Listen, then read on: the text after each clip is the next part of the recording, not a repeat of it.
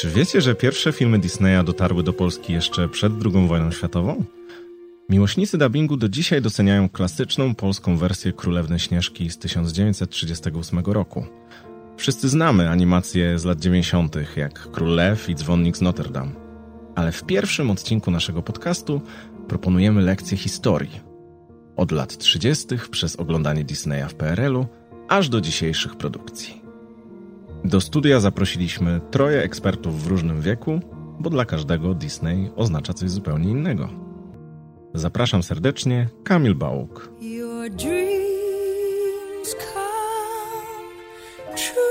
Słuchacie Disney 100, oficjalnego podcastu stulecia Disneya.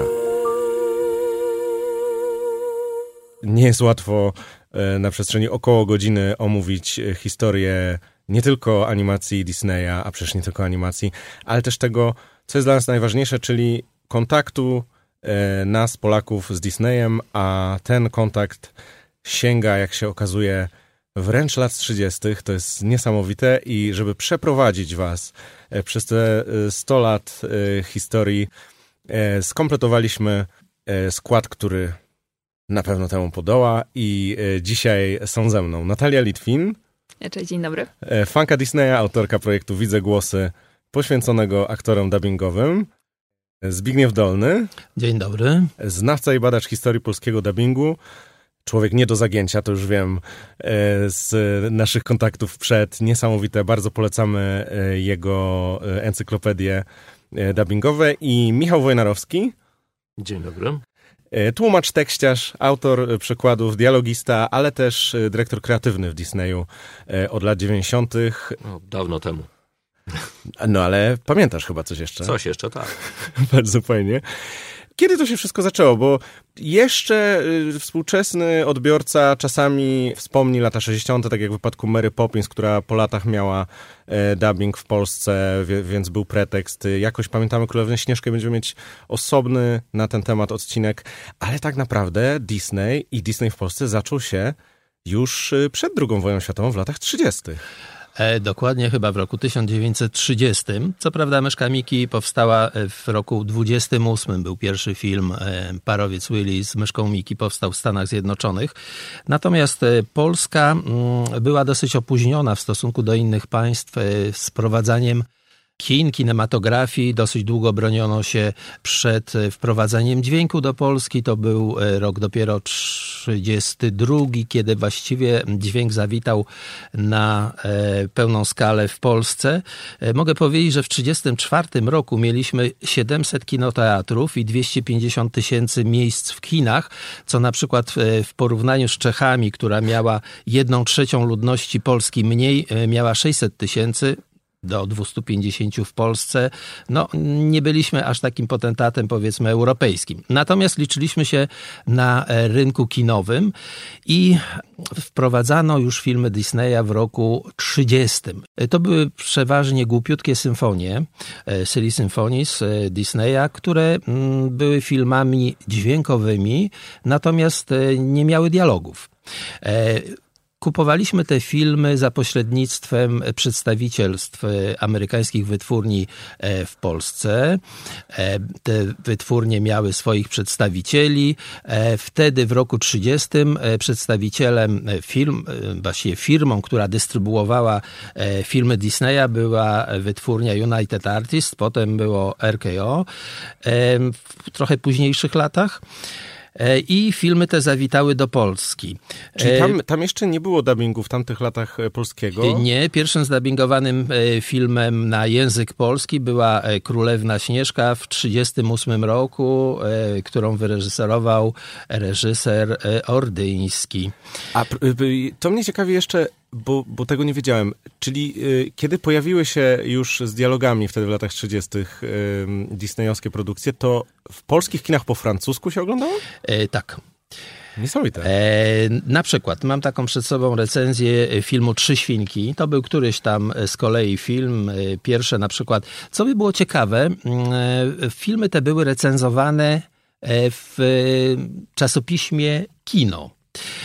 Kino to było czasopismo, tak jak powojenne zresztą film, odpowiednik filmu, ukazywało się pod koniec lat 90. zaczęło się ukazywać i zamieszczało recenzje z filmów fabularnych, które były wyświetlane w Polsce.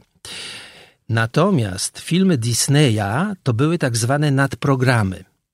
Czyli był film fabularny, plus co byśmy nazywali dzisiaj dodatkiem, a to wtedy nazywano nadprogramem. I dziwna sprawa, że e, czasami recenzje filmów fabularnych były krótsze niż recenzje tych nadprogramów, czyli króciutkich filmów Walta Disneya, które trwały 80 minut, a były recenzje dłuższe niż hmm. normalny e, film Disneya. Czyli po filmie ktoś oglądał te nadprogramy? Nie, e, przed? nadprogramy były przed raczej, tak mi się mhm. to wydaje. Tak to było zrobione. W 1932 roku na przykład był wyświetlany film Disneya e, Dobry żart, tym fawart, potem Wiosna ptaków, Miki szczęśliwym ojcem, Miki trubadurem i w 1934 Trzy świnki. Film ten zupełnym był przebojem Disneya. Był to pierwszy, można wspomnieć, pierwszy film Disneya, który postawił wytwórnię na nogi. Nie wiem, czy y, Państwo wiecie, ale wszystkie filmy Disneya, które on produkował, y, nie przynosiły mu dochodu. Właściwie były deficytowe. I on ciągle miał straty. Pierwszym takim wystrzałowym filmem były Trzy Świnki, które były potem grane przez ponad 10 lat. Otrzymał za to Oscara. Mało tego, w 1937 roku otrzymał trzecią nagrodę na Międzynarodowym Festiwalu w Związku Radzieckim, gdzie był o. zaproszony do Moskwy, nie poleciał, no, ale zwiedził przynajmniej w tym czasie, w 1937 Europę, pojechał do Europy. Miał niesamowite powodzenie w Polsce i Pani Wanda Kalinowska w kinie donosi, że e, film Walta Disneya z serii Silly Symphonies, Trzy Świnki, możemy oglądać w wersji francuskiej.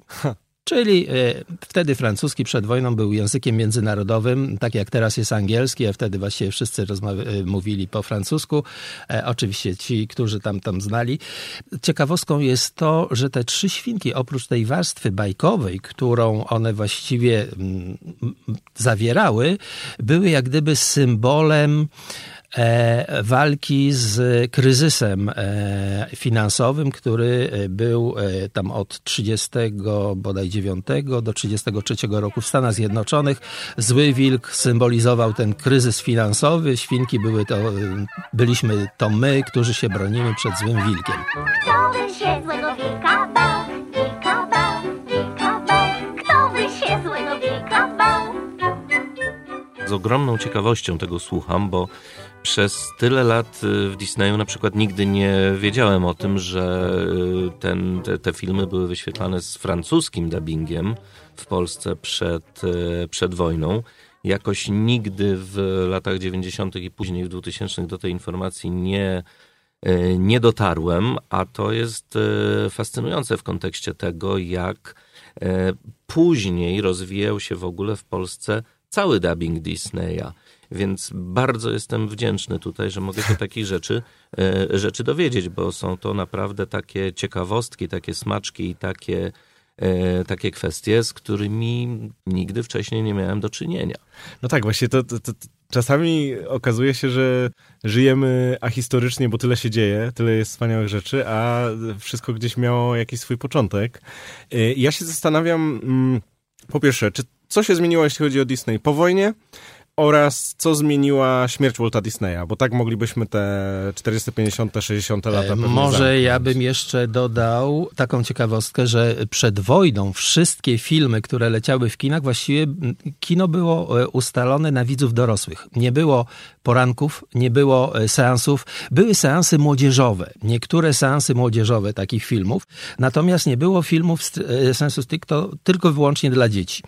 I Disney był tu pionierem w tej dziedzinie, bo mogę poczytać sobie na przykład w, e, w, recenzji Wandy Kalinowskiej w kinie z 1934 roku, że zrobiono taki olbrzymi program składany Walta Disneya, który zawierał siedem filmów krótkich, połączonych w jedną całość i to byśmy, dla nas dzisiaj by to na, najbardziej pasowało, że jest to jak gdyby poranek filmowy dla dzieci.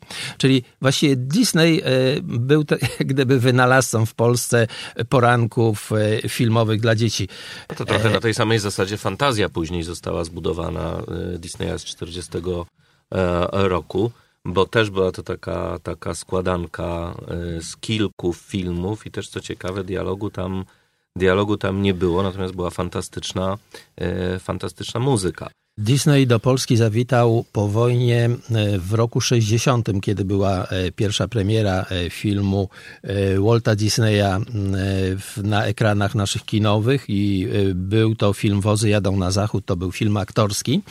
Potem przez następną dekadę mieliśmy tych filmów około dziesiątki. Natomiast ty Kamil zapytałeś o bardzo ciekawą rzecz, mianowicie coś, co zmieniła śmierć Walta Disneya bo ja zawsze miałem takie wrażenie, że lata dla uporządkowania Disney zmarł w 1966 roku.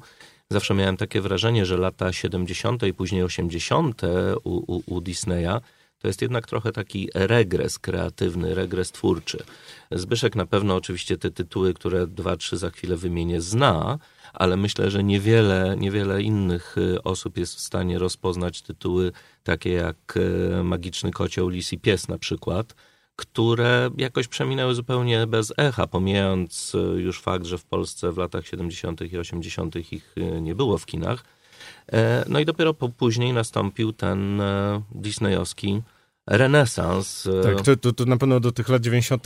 będziemy mogli wrócić i też, i też sporo ja i Natalia możemy wnieść z perspektywy dzieci.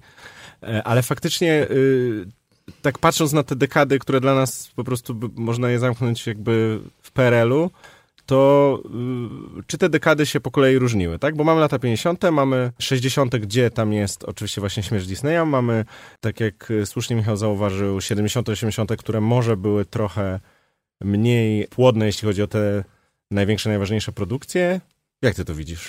E, no, to co Michał mówił, to wynikało przede wszystkim z tego, że do roku chyba, do końca, prawie do końca lat 70. E, Disneyem zawiadowała jeszcze rodzina Disneya. Tam był e, Roy Disney, który jeszcze wtedy żył, chyba w 77 zmarł jakoś tak. On trzymał rękę jeszcze na pulsie, powiedzmy był mniej kreatywną osobą niż Walt Disney, natomiast później przejęły to osoby, które miały inny pogląd na świat, ogląd e, świata niż Walt Disney i ukierunkowały się na inne kierunki. I tam e, o tych dwóch filmach, co wspominałeś, one właściwie nie były reprezentatywne dla tego okresu. Wtedy e, Disney ukierunkował się na produkcję dla widzów bardziej dorosłych, młodzieżowych. Były komedie z Jodie Foster, były komedie z latającym Volkswagenem, Herbim, tego rodzaju produkcja koronną właśnie... produkcją tych lat był film Tron, który poniósł totalną klęskę i spowodował upadek tamtego zarządu i do akcji wkroczył e, z potomek, następny potomek Disneya, czyli syn Roya Disneya, który się nazywał Roy E. Disney i on wprowadził Disneya na stare tory Walta Disneya, czyli powstały filmy e, Mała Syrenka i tak dalej, i tak dalej. To wszystko już się potoczyło tym kierunkiem, który dobrze pamiętamy.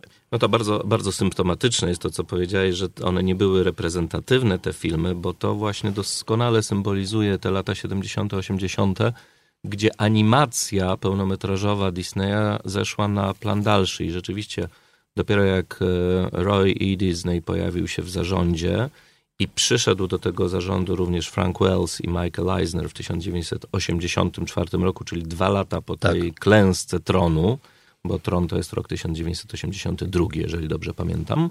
E, zaczęło się tam coś e, dziać, zaczęło, nastąpił powrót do, do animacji tak naprawdę. Oczywiście to nie zdarzyło się w ciągu jednego dnia czy jednego roku, bo Mała Syrenka to jest rok 1989, ale to jest pierwszy rzeczywiście taki film, który jak gdzieś e, przeczytałem, został stworzony przez Disneya na wzór broadwayowskiego musicalu.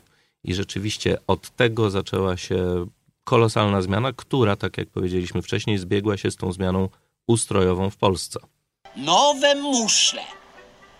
Muszle, nie? Dobra, zwykle jestem kuty na cztery nogi, ale teraz nie wiem. Może jak ci padnę do stóp, Ona ma nogi, Benzfale! Sprzedała swój głos wiedźmie morskiej za ludzkie nogi! No właśnie, i tu jest, i tu jest ciekawy moment, bo y, ty, Michał, w Disneyu byłeś od 95? Od 95 roku, tak. Okej, okay. ja miałem wtedy lat 7. Natalia... Chyba jeszcze nie istniałam? No właśnie, więc my mamy... No, wie, minus 7. Więc właśnie być może, być może na... A nie, przepraszam, który rok jeszcze raz? 95. 95. A nie, to miałam roczek. O, roczek. Tak. No to właśnie, bo chciałem zarysować, bo tutaj mm, my możemy przysłuchiwać się z, z, zainteresowaniem właśnie temu po kolei, jak, jak to się zmieniało, ale tu jest jeszcze drugi aspekt, że, że, że okres twojej pracy przypada właśnie dokładnie na, dla mnie i dla Natalii, formacyjne lata, kiedy po prostu te produkcje oglądaliśmy. Co to był za Disney, kiedy tam w 95 już w Polsce ty się pojawiłeś? Ja się nie pojawiłem, broń Boże, jako pierwszy, to muszę e, sprostować, bo tak naprawdę E, Disney w Polsce to pojawił się kilka lat e, wcześniej, już tak oficjalnie, oficjalnie i formalnie. E, I najpierw przedstawicielstwo pod kierunkiem pani Katarzyny Westermark zajmowało się przede wszystkim, upraszczając troszkę sprawę, sprzedażą zabawek, gadżetów i tego typu rzeczy. Dubbing pojawił się minimalnie później jednak. Przede wszystkim najpierw w osobie Mariusza Arno-Jaworowskiego, E, który to rozkręcił, jeżeli mogę tak powiedzieć, jeżeli chodzi właśnie o tę stronę dubbingową. No a potem rzeczywiście e, to wszystko zaczęło już iść takim coraz większym tempem i coraz szybszym rytmem, ale to jeszcze były lata, kiedy Disney tak naprawdę produkował jeden duży film animowany rocznie. Nie mówię tutaj o jakichś serialach telewizyjnych, które się zaczęły już też wtedy oczywiście pojawiać coraz częściej w polskiej telewizji.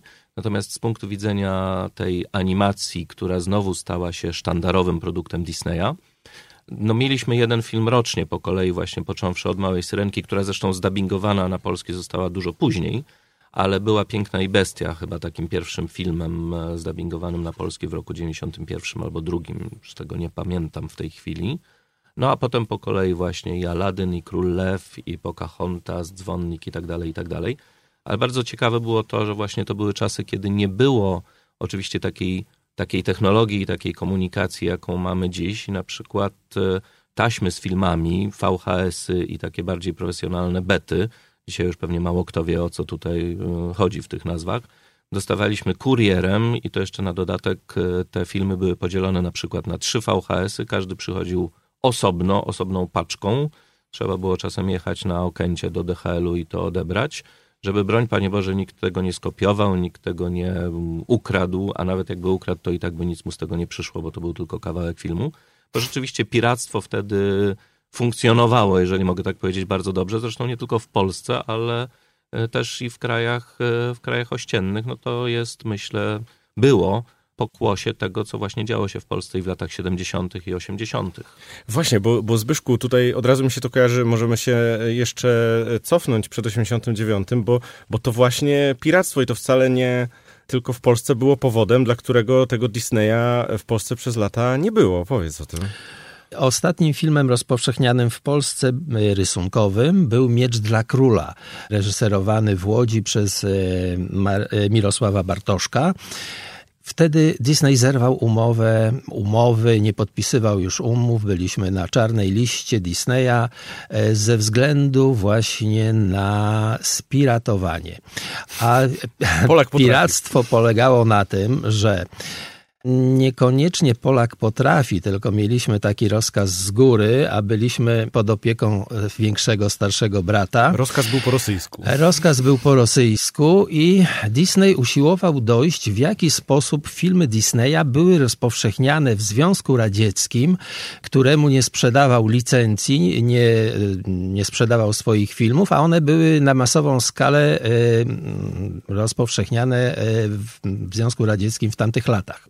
Sorry, ale ja widzę takie podziemne tunele po prostu, w których przekazują sobie taśmy VHS Disneya. No, no może, może to nie były podziemne tunele, ile były to ambasady. Ale to no się i... wcale, przepraszam, nie skończyło, nie skończyło w momencie, kiedy zmienił się ustrój, bo ja pamiętam, jak byłem w Rosji, zresztą wielokrotnie w latach, jeszcze na początku lat dwutysięcznych, i poszedłem kiedyś do jakiegoś domu towarowego, żeby kupić jakieś już chyba DVD wtedy y, disneyowskie, żeby zobaczyć, jak to jest w Rosji, w Rosji wydawane no to wtedy pani e, zadała mi pytanie, czy chcę dysk e, oficjalny, czy chcę dysk piracki. Zupełnie otwartym tekstem e, to pytanie padło. Oczywiście różnica była w cenie, no różnica też była w jakości. W jakości. Więc no nie skończyło się to przynajmniej w, już nie w Związku Radzieckim, a w Rosji wtedy, nie skończyło się wcale po roku 89. Zresztą u nas też jeszcze bardzo długo to trwało. Mieliśmy nieuregulowane po prostu też prawa autorskie do, do któregoś momentu. No ale może e, wrócę do tego, jak to, jak to się działo w roku 68. Otóż Disney wpadł na pomysł i oznakował wszystkie kopie sprzedawane do różnych krajów. Każda miała inne, inne znaki. I wyszło na to, że e, Polacy, jak wspominał e, w rozmowie ze mną Zygmunt Kałużyński, który był w komisji repertuarowej, dostarczali kopię filmową polską e, Walta Disneya do ambasady rosyjskiej, a stamtąd pocztą dyplomatyczną lądowało to w Moskwie i było rozpowszechniane w tym. W związku z czym Disney zrezygnował ze sprzedawania filmów Polsce. I tak to się skończyło. Czarny rynek filmów Disneya, tak. przemycanie jakieś. No. E, w, w latach 90. niekoniecznie tylko czarny rynek, tam się wszystko co roku zmieniało. Każdy e, rok lat 90. przecież zupełnie inny ustrój prawny, inne konteksty. E, dla mnie, ja się nie załapałem na Aladyna, bo byłem za mały. Dla mnie, dla mnie ten ten pierwszy był Król Lew e, i to chodzenie do e, kina z rodzicami. Bardzo dobrze, też pamiętam Pocahontas, bardzo dobrze Dzwonika z Notre Dame te produkcje towarzyszyły mi przez całe życie. Nawet są takim kontekstem kulturowym po prostu ludzi w moim wieku. A Natalia, kilka lat jesteś młodsza, ale u ciebie pierwszy kontakt z Disneyem był trochę traumatyczny, bo związany z Lizakiem. Znaczy, ja z dumą mówię, że jestem rocznikiem Króla Lwa. Natomiast moja pierwsza styczność to było pójście do kina faktycznie, to był chyba 98 rok, na dawno temu w trawie.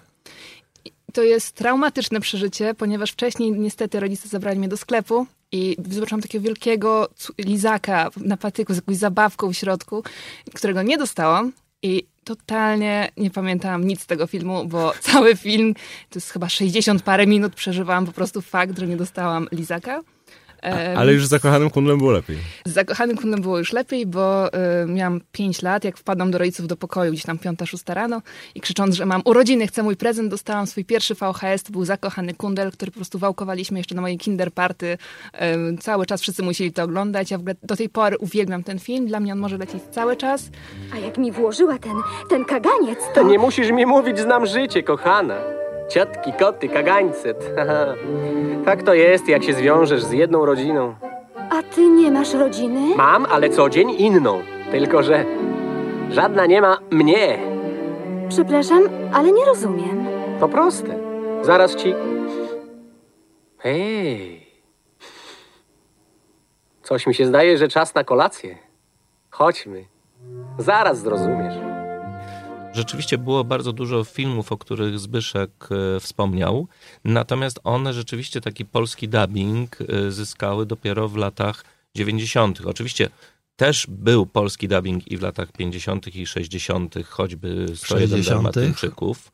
E, możliwe, że w 60., w 50., nie wiem, nie w pamiętam. W 50. nie było. Pierwszy film, Natomiast... który był zdubbingowany na język polski po wojnie, to było Bambi, który wszedł w styczniu 61 roku. No Czyli właśnie, przygoda, zwrócić, przygoda z Disneyem pamiętał. E, trwała u nas od 60 roku do 69, czyli 9 lat. No plus to, co było przed wojną oczywiście, natomiast e, dosyć Ale dużo właśnie tych dlaczego filmów... czekaliśmy tak długo na niektóre? To znaczy, y, to wspaniale, że to wspaniale wspaniale, że nie wiem, że, że Mary Poppins po latach była i to fantastycznie udany dubbing i też o nim będziemy w przyszłych e, odcinkach rozmawiać, ale z, pewnie to jakoś jest przypadkowo, może nie znajdziemy odpowiedzi.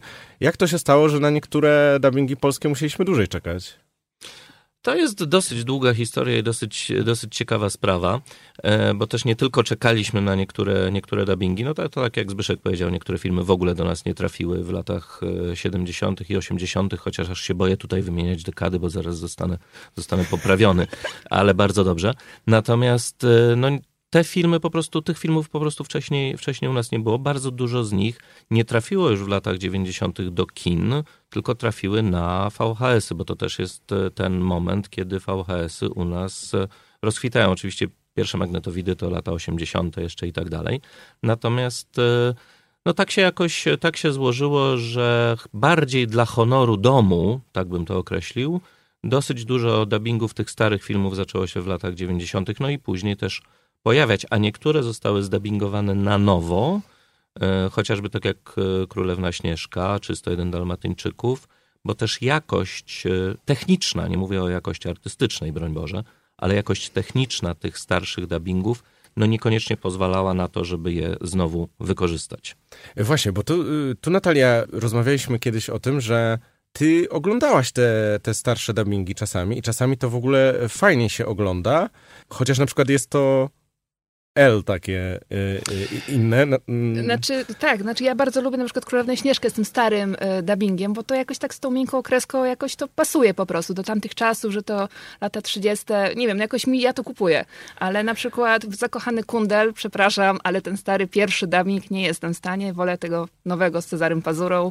To jest wałkowane non-stop. Stanowczo się nie zgodzę. E, z porównaniem Pazury do Wieńczysława Glińskiego. E, Lady dubbingowała Kalina Jędrusik, nie do pobicia. No tak, to jest Jędrusik. to zupełnie inny kaliber. E, ja Pazury na przykład nie cierpię i ten film dla mnie jest nie do przyjęcia z dubbingu z Pazurą. Ale, Ale to jest... Miłości dzieciństw, głosu dzieciństwa się nie Zgadzam się, zgadzam się. Ciekawostka jest taka, że że na przykład film 101 Dalmatyńczyków był e, dubbingowany dwukrotnie. I dwukrotnie robiła to ta sama pani reżyser, która nazywała się Maria Piotrowska z Łodzi. 101 Dalmatyńczyków to drugie w reżyserii Marii Piotrowskiej, to był chyba jej ostatni w ogóle dubbing, który zrobiła przed e, śmiercią, bo zmarła właśnie w roku no nie pamiętam w tej chwili, ale w drugiej połowie lat, e, lat 90. Piotrowska. Maria Piotrowska, tak. No tam jeszcze była Szykulska w filmowym y, Maria Pakulnis była Kurelą, no to wiele jest Cruelli de Mon. 15! 15 szczeniaków! Fantastyczne, nieprawdopodobne, nie do uwierzenia. Moje futro z dalmatyńczyków. Futro moich marzeń. Futro arcydzieło, cudo którego nie mam przez te nędzne psy, przez które straciłam trzy lata mojego życia! No wiele jest Cruelli, Cruelli Demon rzeczywiście i to może, tutaj możemy sobie y, dyskutować, która lepsza, która y, gorsza, jeżeli w ogóle i dlaczego. No pewnie każdy, każdy ma swoich faworytów lub faworytki i, i, i być może nawet zostaniemy przy swoich zdaniach do końca tego, e, tego podcastu, a nawet jak on się skończy i będziemy gdzieś tam już poza studiem dyskutować, to też. Natomiast e, no, wydaje mi się, że nie, nie da się, e, czy trudno byłoby dyskutować z jedną, z jedną sprawą, mianowicie taką, że jednak też zmienił się sposób grania i zmieniło się to aktorstwo w stosunku do tego, co było w latach 60., a to, co mamy, to, co mamy dzisiaj. Ja absolutnie nie chcę tutaj wartościować, co jest lepsze, co jest gorsze, jest po prostu inne. E, jest po prostu inne i z tym, tak mi się wydaje, trzeba się po prostu pogodzić. Ale Disney to dla mnie, tak jak już mam te 30 kilka lat i, i, i wyrosłem z tego kina, kiedy miałem 7-8 i, i, coś tam więcej wiem o kulturze, dla mnie e, Disney jest jednak jednym wielkim tekstem kultury i kontekstem i z radością odkrywałem, że początki e, niektórych animacji E, były w literaturze, tak jak mój brat Niedźwiedź, w tym wypadku to był Król Lir. Te dylematy w konkretnych animacjach to są, to są dosyć też klasyczne dylematy, w ogóle wzięte czasami z teatru albo no tak, bo przecież y, Król Lew to jest, to jest Hamlet, taki trochę może bardziej zapomniany film, ale też z roku 89. Oliver to jest przecież y, Oliver Twist Dickensa i tak dalej, i tak dalej, więc tych przykładów pewnie by się, by się sporo, y, sporo znalazło. Dopiero w latach 2000 pojawiło się coś takiego, a może nawet ciutkę później, ale że filmy zaczynały wchodzić do kin dokładnie w tym samym dniu albo prawie w tym samym dniu na całym świecie. Wcześniej na każdą premierę kinową jeszcze musieliśmy trochę zawsze, zawsze poczekać. Natomiast y, z jednej strony oczywiście to było, to było dobre, bo y, niektóre rzeczy, niektóre szczegóły, niektóre elementy były bardziej dopracowane być może.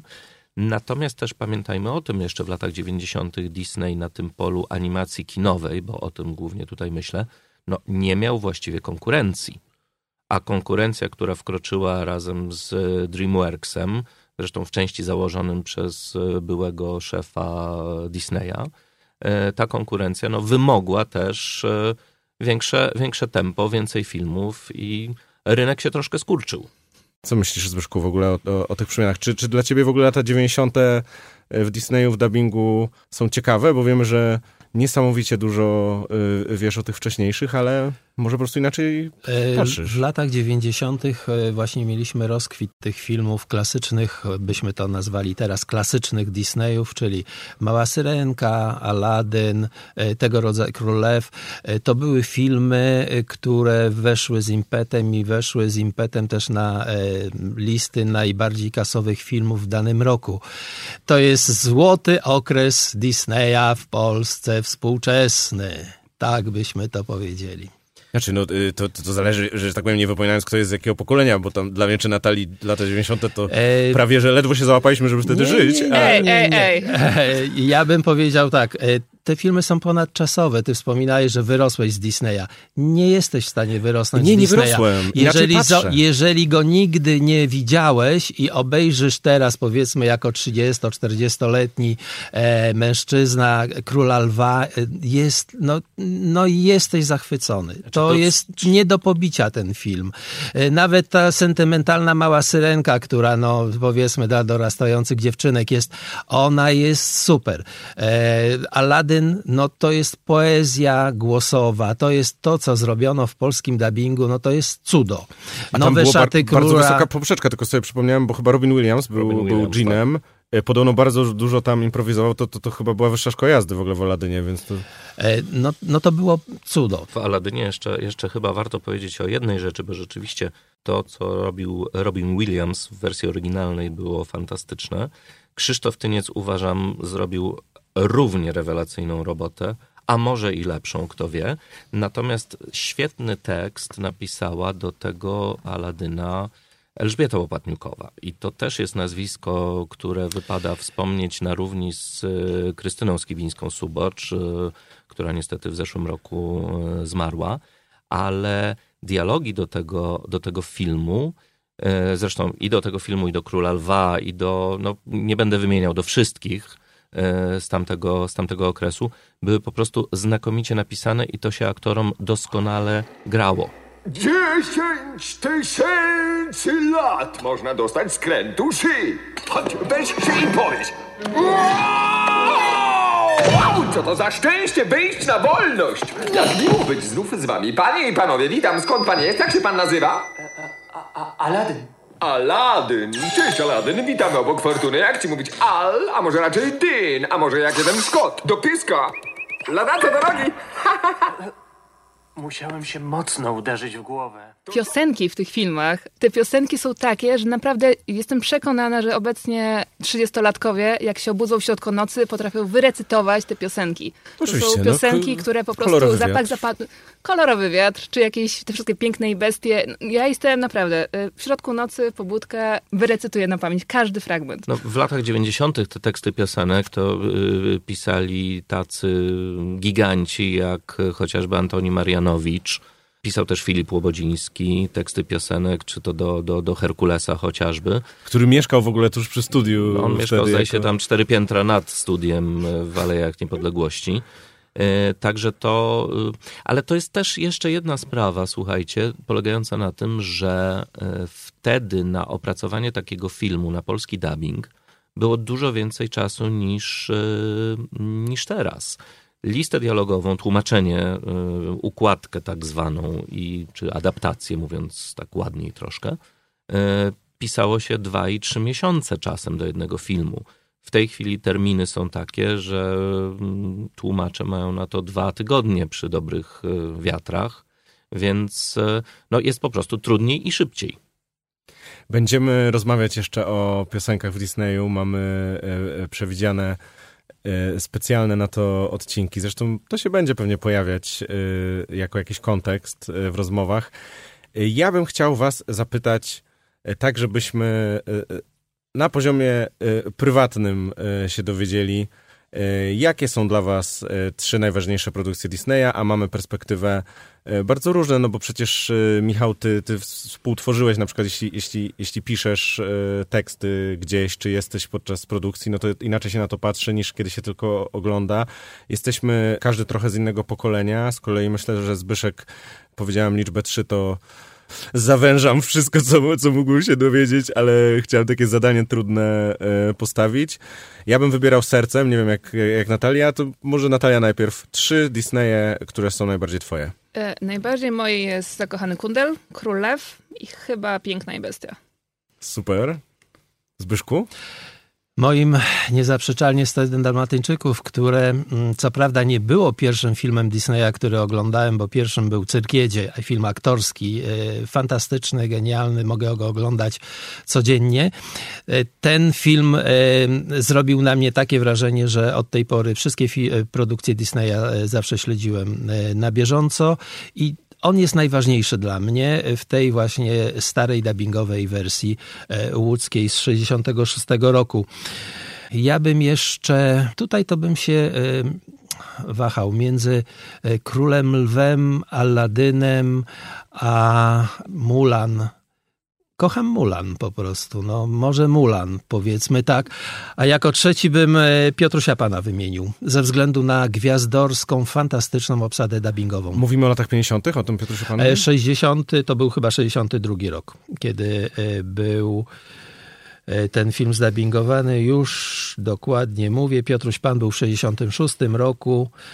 E, w maju wszedł na ekrany kinowe w Polsce. Bo produkcja jest chyba z lat 50. rzeczywiście, tak jak Kamil powiedział, 55 bodajże rok. Tam mamy e, Ludwika Benoit między innymi w e, No obsadzie. nie do pobicia, fantastyczny aktor, ale tam był i Dzwonkowski, no, no mnóstwo, mnóstwo aktorów, którzy, no i między innymi ukochana nasza Zofia Raciborska, która robiła w telewizji Jacka i Agatkę. No, ona Super. była głosem i Pozwolę sobie Michała wyróżnić, y, bo możemy się wtedy ciekawiej y, dowiedzieć. Trzy, które współtworzyłeś ulubione i trzy jako odbiorca. I bądź tu obiektywny. Nie ułatwiasz, zdecydowanie. E, ale łatwiej mi chyba powiedzieć jako, jako odbiorca, bo rzeczywiście Król Lew, kolejność przypadkowa akurat, ale e, Król Lew, e, Mała Syrenka, wydaje mi się, ze względu właśnie na to, że to taki był przełomowy, przełomowy film dla Disneya. E, no i chyba jednak Piękna i Bestia, bo to jest taka zupełna e, klasyka. E, filmy, wydaje mi się, te, te, akurat tak się złożyło, że wymieniłem te pierwsze trzy z renesansu. Ale aktorska czy... Nie, animowana, animowana. Bo według mnie są to filmy absolutnie dopracowane w każdym szczególe.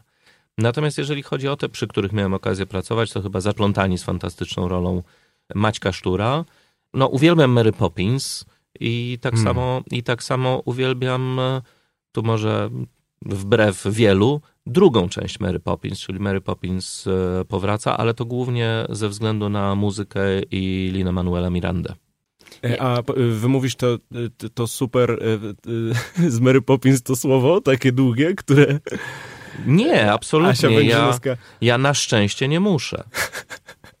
Super, ale bardzo, bardzo miło też wspominam Mary Poppins i ona jest faktycznie dla Disneya ikoniczna, może, y, y, może mniej my to czytamy przez to, że później przyszła, tak jako zwykli odbiorcy, no ale też nie byłoby wielu, wielu rzeczy, jeśli chodzi o Walta Disneya, gdyby nie Mary Poppins. Klasyczna absolutnie postać. No, Mary Poppins postawiła Disneya na nogi, który też był w latach, na początku lat 60. pod kreską i, i to był absolutny hit kinowy, e, obsypany Oscarami, który e, no, pozwolił wytwórni e, zaistnieć w tym okresie. E, ja bym zwrócił uwagę, uwagę na Mary Poppins y, z jednego powodu. Z reżyserii. Reżyserował tam taki pan, który się nazywa Marek Robaczewski. Mhm. E, bardzo cenię tego reżysera ze względu na, co uważam, wyczucie rytmu piosenki, e, melodyki. E, bardzo rzadka rzecz e, spotykana u nas w dubbingu, chociaż no, każdy z tych filmów był dubbingowanych, był dopracowany. Jednak Marek Robaczewski wybija się tutaj w tym. On zrobił też w dubbingu taki genialny, genialny, właściwie cały śpiewany film, jak to się nazywało po polsku? Miasteczko, Miasteczko Halloween. Halloween. Miasteczko Halloween. I to, to było cudo, po prostu no, poezja, poezja śpiewana. No. Hej, ale porozmawiajmy o traumach Disneya. Przepraszam bardzo, ja do tej pory nie pogodziłam się e, z zakończeniem Pocahontas. Jakby to, że John Smith odpływa, to w ogóle e, No, przepraszam, Dalej. ja, jestem, ja nie jestem z tym pogodzona i kiedy myślałam, że nie jestem z tym pogodzona, to Disney stworzył drugą część e, Pocahontas, gdzie zakończyło się jeszcze gorzej, bo Pocahontas spotkała Johna Smitha po latach i wybrała zamiast Johna Smitha swojej młodzieńczej miłości, wybrała e, Johna Rolfa, który był stabilny, po prostu taki, e, no, no taki Nudny, ale bogaty. Nudny, ale bogaty. Jeżeli to są wzorce Disneya, No zaraz, ale czy ciebie to jednak nie uczy czegoś o życiu? Tak, uważam, że tak dziewczyny się wzorują w takim razie na filmach Disneya. Druga Pocahontas była jednym chyba z pierwszych filmów, które się wtedy nazywało Direct to Video, jeżeli dobrze to sobie przypominam. E, czyli takich przeznaczonych właśnie nie do kina, długometrażowych animacji, nie do kina, ale na kasety wideo. I to też pewnie wpłynęło na to, że ten scenariusz może momentami był jakoś tam niedopracowany. Niedopracowany. Ona wybrała bogatego, stabilnego, nudnego. Chciałem ładnie Wy, powiedzieć. mu- wy mówicie o dwóch różnych rzeczach. O y, emocjonalnych oczekiwaniach wobec postaci i o jakiejś tam fabularności. Ale ja nie miałam takich oczekiwań, żeby VHS wyszedł, który jeszcze bardziej zrujnuje mi wizję Pocahontas. To w takim No. razie nie oglądaj dwójki więcej. Więcej No i- nie, ale już co się zobaczyło, to się nie odzobaczy. Słuchajcie, no ja też, ja też się bałem Cruelli Demon, ale to jakby... Ale nie- też powstała druga część, też na VHS, z tego co pamiętam, gdzie Cruella de Mont przeszła jakąś metamorfozę i nie była taka najgorsza jakby. No, ale, ale na przykład ten kontekst mi się przydał. Ja, ja tysiące razy w życiu powiedziałem, e, jak, jak, jak ktoś był taki, taki chłodny i, e, i taki, że wyczuwałem jakieś intencje nieczyste, to, to, to w rozmowie mówiłem, no wiesz, taki typ Cruelli Demon, nie? Wyzywasz No, ludzi od Cruelli de Mont? nie wyzywam, wow, mówię wyszedłeś z komuś, Disneya że- na pewno, no. No dobra. E, czyli czasami zawodzą e, nas e, młodzieńczo te konteksty, ale jakoś Ale tam ja chciałam pamiętamy, wierzyć, no. że John Smith po prostu, nie wiem, wrócił tam po latach, albo trudno, ona się już nigdy nie zakochała, bo po prostu ta wierność Johnowi Smithowi została. Nie, wybrała bogatszego. Ale tak zupełnie, jest życie. słuchajcie, zupełnie na poważnie, to też trochę jest tak, że ta Pocahontas, dwójka i parę innych y, drugich i trzecich części potem robionych na początku lat 2000, to chyba była też e, ze strony Disneya dosyć taka no, zapowiedź tego, co mamy w kinach i nie tylko w kinach, w telewizji, w streamingu dzisiaj. Drugie, trzecie, piąte części, sequele, prequele i tak e, kulturowo rzecz e, biorąc, no to Disney był w awangardzie robienia tego. Ja chętnie zaraz w ogóle będę kontynuował to, bo... Bronienie Pocahontas na korytarzu, wiesz co, bronienie Pocahontas? tak, będę Pocahontas y, Dobra, nieważne. Żegnaj. Tak, To była Natalia Litwin, bardzo mi miło. mi trochę mniej, bo lubisz Pocahontas. Yy, Zbigniew Dolny Kłaniam się. i Michał Wojnarowski. Dziękuję bardzo. Kilkanaście odcinków przed nami. Cóż to była za dyskusja? Do usłyszenia za tydzień. Kamil Bałuk.